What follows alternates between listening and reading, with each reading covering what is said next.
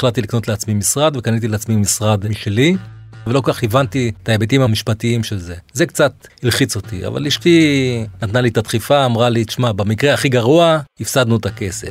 לא יפיל אותנו. אז קדימה. לדעתי בנדל"ן אסור לפחד, זה הכלל. שלום לכם, אני גיא ליברמן, עורך הנדל"ן בעיתון גלובס, ואתם על כסף בקיר.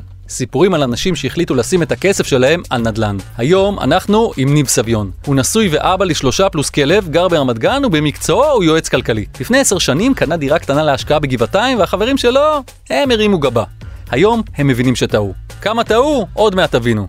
וגם, יש לו משרד קטן בצומת מעריב. ולחשוב שאת השקעות הנדל"ן שלו, הוא התחיל בכלל ברגל שמאל. בואו נתחיל.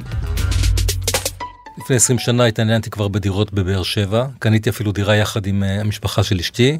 דירת uh, שלושה חדרים בשכונת ד' בבאר שבע ליד האוניברסיטה. אבל איך אומרים, משפחה ועסק לא תמיד הולכים ביחד. והעסקה המשפחתית הזו לא הייתה שוס גדול. האידאל היה למצוא שוכרים סטודנטים, לא הצלחתי למצוא שוכרים שהיו סטודנטים, מצאתי איזה משפחה עולה חדשה, שהיה אתה... להם קצת קשה לשלם, ואיזשהו שלב הם גם הלכו ונעלמו לנו עם המפתח. אתה הראשון שאומר בבאר שבע שלא יצליח למצוא סטודנט.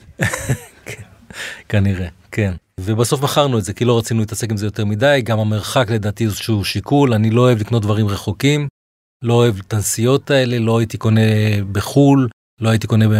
לא בגרמניה, לא בארצות הברית, שכל הזמן מקבל הצעות.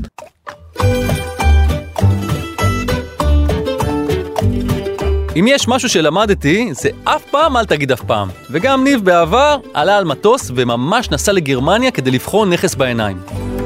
פעם בדקתי רכישה של אה, דירה בברלין, הציעו לי הצעה אחת החברות שמשווקות דירות לישראלים, זה היה מחיר נדמה לי 1,500 יורו למטר. נסעתי לראות את הבניין, כמובן שאת הגרפיטי בפרוספקט שלהם לא היה, אז ראיתי אותו בפועל. התחלתי לדבר עם אנשים ברחוב, כמו כל ישראלי, ישר מתקשרים, ישר מדברים. מה שהסבירו לי שמה שהמחיר ההגיוני הוא דווקא 1,000 יורו למטר, אז ירדתי מהעסקה. בדיעבד יכול להיות שטעית כי המחירים בברלין עלו, אבל באותו זמן זה נראה לי השקעה לא טובה. אחרי שהעסקה בבאר שבע לא הביאה הצלחה גדולה, וגם הניסיון בברלין לא עלה יפה, ניב עלה על הזדמנות חדשה בגבעתיים. קנינו לפני עשר שנים דירה בגבעתיים, דירת חדר וחצי, קנינו אותה בסביבות ה-400 אלף שקל, היום אני מניח ששווה מיליון שלוש מאות. נמצאת ברחוב כצנלסון בגבעתיים, אחד הבניינים הכי ישנים בגבעתיים, שמתישהו גם יעשו בו איזשהו פינוי-בינוי, תמ"א 38, משהו יעשה עם הבניין הזה, כי הרבה זמן הוא לא יחזיק. היא הייתה במצב לא רע בכלל, היא הייתה דירה יחסית משופצת, הבעלים פשוט גר בתל אביב ורצה לעבור לדירה יותר גדולה בתל אביב והיה צריך את הכסף. דירה באמת במצב מצוין, לא הייתי צריך להשקיע בה כלום, ומאז היא מושכרת, אני לא חושב שיום אחד היא הייתה פנויה, וכל פעם רק העליתי את השכר דירה. כמה זה היה בהתחלה וכמה היום? וואו, זה היה לדעתי בכיוון האלף שקל. כמובן היו לי חברים שאמרו לי בשביל אלף שקל אתה מתעסק בכלל בזה, היום זה 3,200 שקל, והדירה מאוד מאוד uh, מוצלחת. השקעת בה מאז עד היום? לא השקעתי בה כלום, רק פה מזגן, פה תיקון, באמת דברים uh, מינוריים, שום דבר uh, משמעותי. זאת אומרת יש לך עשר שנים דירה בגבעתיים, אין לא. לך כמעט פחת. אין לי כמעט פחת. עצה שיש לי להגיד רק לאנשים זה הייתה לי פעם סוחרת מאוד מאוד טובה, הייתה לה איזושהי בעיה כלכלית, אמרתי אני מוכן להוריד טיפה, רק תישארי.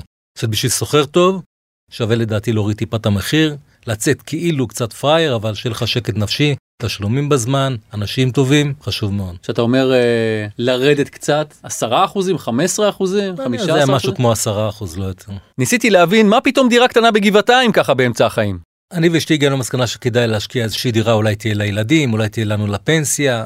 השתחררה איזה קרן השתלמות, אז הסכומים היו הרבה יותר uh, סבירים, לא כמו היום שבשביל לקנות דירה אתה צריך להתחיל במיליון שקל, וחיפשנו דירות, חיפשנו כמה דירות, חיפשנו ברמת גן, בגבעתיים. למה לקנות דווקא נדל"ן? למה לא ללכת על שוק ההון, אג"ח, מניות? למה דווקא נדל"ן? בנדל"ן מה שאני מאמין שהוא לא, אם הוא גם אם הוא יורד, הוא לא יורד דרסטית, הוא יורד טיפה ויתקן את עצמו. בשוק ההון אתה יכול לחטוף, גם חטפנו כמה פעמים, ירידות מאוד משמעותיות שאתה לא יודע איך להתמודד איתן. בנדל"ן בסוף יש לך איזשהו נכס שאתה תמיד יכול להשכיר אותו, יכול לשמש אותך לפנסיה, ובדרך כלל השווי עולה. וזה למרות שהיה לך כבר ניסיון לא הכי טוב בבאר שבע.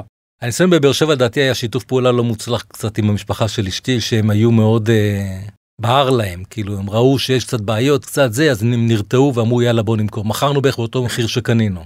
לא הפסדנו, אבל אם היינו מחכים היום זה בטח היה 800 אלף שקל. נראה מה הם יגידו לך בארוחת שישי אחרי שהם ישמעו את הפודקאסט הזה. כן, אם עוד ידברו איתי. כל הבדיקות שאנחנו עושים נועדו לסייע לקבל את ההחלטה הנכונה. ניסיתי לברר עם ניב אם היו לו סיבות למה לא לקנות את הדירה בגבעתיים. בלי לזלזל כמובן, אבל בכל זאת, גבעתיים. לא המקום הראשון שחושבים עליו בהשקעות נדל"ן. לא היו לנו שום מחשבות למה לא, היינו די uh, בטוחים במה שאנחנו עושים. לקחנו איזושהי משכנתה קטנה שכמובן כבר uh, היסטוריה. החזרנו את המשכנתה מהשכר דירה. הון עצמי לא היה צריך להיות מאוד מאוד גבוה, כי הדירות לא היו כל כך יקרות. הייתי חוזר על זה עוד פעם, מה שקורה. אז למה לא חזרת על זה עוד פעם? חזרתי על זה עוד פעם דווקא בקטע של משרד. אני עסק קטן של אה, בן אדם אחד, ותמיד הייתי שוכר חדרים בתוך משרדים אחרים. ויש לך את כל הפסיליטי, אתה לא צריך להתעסק עם חשמל, עם דמי ניהול, ארנונה. אתה משלם תשלום אחד לבעל המקום וזהו. וכל פעם הייתי צריך אבל לעבור, כי פעם העסק התרחב, פעם העסק נסגר. בסופו של דבר החלטתי לקנות לעצמי משרד, וקניתי לעצמי משרד אה, משלי, בצומת מעריב. ניב רגוע, הוא משוכנע שלמרות שמדובר בצומת בעייתי, בשנים הקרובות כשהרכבת הקלה תגיע והאזור יתפתח, גם הערך הנדל"ני שלו יעלה. והכל התחיל בכלל ממודעה קטנה. ראיתי את זה ביד 2 או משהו, המשרד עלה 300 אלף שקל, היום לדעתי אפשר למכור אותו כבר ב-500, שיפצתי אותו מאוד מאוד לטעמי, כי ידעתי שאני הולך אה, לשבת שם. זו הייתה איזושהי עסקה טיפה מורכבת, היה משרד רואי חשבון מאוד גדול שברח מאזור צומת מעריב לכיוון הבורסה ברמת גן. ובעצם מה שקרה היה שהוא יזם שלקח מהם אופציה על כל המשרדים שלהם שהם בעצם היו כמה תת חלקות, חילק את זה חזרה לתת חלקות וכל אחד קנה לו לעצמו משרד. מה הגודל של המשרד הזה? הגודל 30 ברוטו, 20 נטו, אבל לי זה מספיק.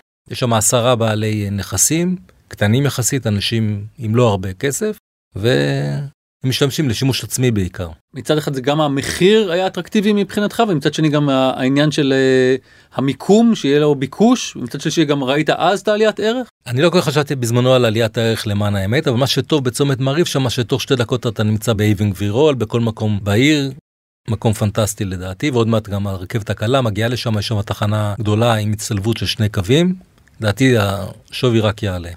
זה טוב לדעתי לעצמאים לקנות איזשהו נכס קטן כדי שישמש אותם אחרי זה לפנסיה. גם בהשקעה הזאת אני תמיד אומר למה לא קניתי שניים. ועדיין עם כל היתרונות, ניב מספר על ההתלבטות שהייתה לו וגם איך היא נפתרה. ספוילר, חפשו את האישה. ההתלבטות היחידה שהייתה טיפה מסובכת וטיפה פחדתי, לא ידעתי בדיוק עם מי אני עושה עסק, היא בעצם זה שהיא אה, אופציה שהיזם לקח מבעל הנכס ובעצם הוא מכר לנו את האופציה ולא כל כך הבנתי את ההיבטים המשפטיים של זה. זה קצת הלחיץ אותי, אבל אשתי נתנה לי את הדחיפה, אמרה לי, תשמע, במקרה הכי גרוע, הפסדנו את הכסף. לא יפיל אותנו. אז קדימה. וואו, זה די אמיץ, לא? 300 אלף שקל עדיין. אישה אמיצה. בניגוד למשפחה. אני מסבך אותך עם המשפחה פה. האמת היא שגם בדירה שלנו שקנינו, הייתי צריך את הפוש שלה, כי עשינו קפיצה לא קטנה, אנחנו גרים בדירה די גדולה במרום נווה, ולנו זה היה איזושהי עלייה משמעותית. אני זוכר יום אחד הלכנו לראות את הדירה, זה היה לפני 20 שנה. עלינו למעלה, ראינו את הנוף. אומרת לי, טוב, יאללה, תקנה. תפסיק להתלבט, וזהו. הלכנו, חתמנו, קנינו ועשינו עסקה מצוינת גם כן. אני רוצה להגיע למשהו שאמרת לי בשיחה לפני שנפגשנו, שמאוד עניין אותי, שאמרת, פשוט צריך לעשות את זה. זאת אומרת, אתה מבין, זה מגיע מאשתך בעצם, שאתה אומר, רוצים ויאללה, פשוט ללכת על זה, למצוא משהו טוב וללכת על זה, לא, לא להתלבט יותר מדי. לדעתי, הכלל הוא לא לפחד. אני תמיד היוזם, ולפעמים אני צריך את הפוש האחרון ככה להיות יותר בטוח לקבל ממנה את, הפוש ולעשות את העסק אבל לדעתי בנדלן אסור לפחד זה הכלל. אבל זה זה כלל קצת גורף לא זאת אומרת יש לא כל עסקה עסקה טובה. ברור לא לעשות סתם עסקאות אבל אם אתה חושב אם אתה מאמין בעסקה לך על זה אל תפחד. כל פעם שפחדתי פספסתי כשלא פחדתי הרווחתי. למה כי עוד פעם כמו שאמרת בהתחלה הנדלן הוא כאילו אתה רואה שהוא ימשיך וימשיך לעלות אני מאמין שבאזור המרכז הוא רק יעלה. אין עתודות קרקע, ואנשים מאוד רוצים לגור במרכז. אני חושב שזה רק יעלה. אני באופן אישי לא הייתי משקיע בכל מיני אזורים טיפה יותר רחוקים, אפילו כמו פתח תקווה לא הייתי קונה. אבל בתל אביב, בלי למצמץ. ניב מרוצה מרכישת המשרד. שיחק לו קלף כמו שהוא אומר, והיום הוא כבר חושב על השלב הבא ומחפש השקעה נוספת בשוק. אני מסתכל עכשיו על איזושהי עסקה, תנות כמה משרדים בסביבות המיליון שקל סך הכל. אני מאמין שאני אקנה על זה בסוף. אני חושב שאני רואה שם איזה פוטנציאל להשבחה, לקחת משרד ולחלק אותו ולמכור אותו. ואני רואה את הרווח אה, בעשרות אחוזים. בדירה אני לא מאמין שאני יכול להגיע לכזו עסקה, מה גם שדירה, הסכומים יותר גבוהים בדרך כלל. רף הכניסה. רף הכניסה יותר גבוה. בשנים האחרונות יש אה, ממש עלייה בכל התחום של WeWork, ולמשל אמרת שאתה בעצמך בעצם משתמש בנכס שקנית למרות שאתה רואה אותו כהשקעה אבל למה לי בעצם לא ללכת היום ל-WeWork כזה אתה עסק של איש אחד אני שוכר מ-WeWork עמדה אחת הרבה יותר פשוט לי מאשר להחזיק משרד זה יכול להקטין לך את קהל היעד מה שנקרא. זה יכול להקטין אני גם כן התלבטתי על WeWork לפני שקניתי.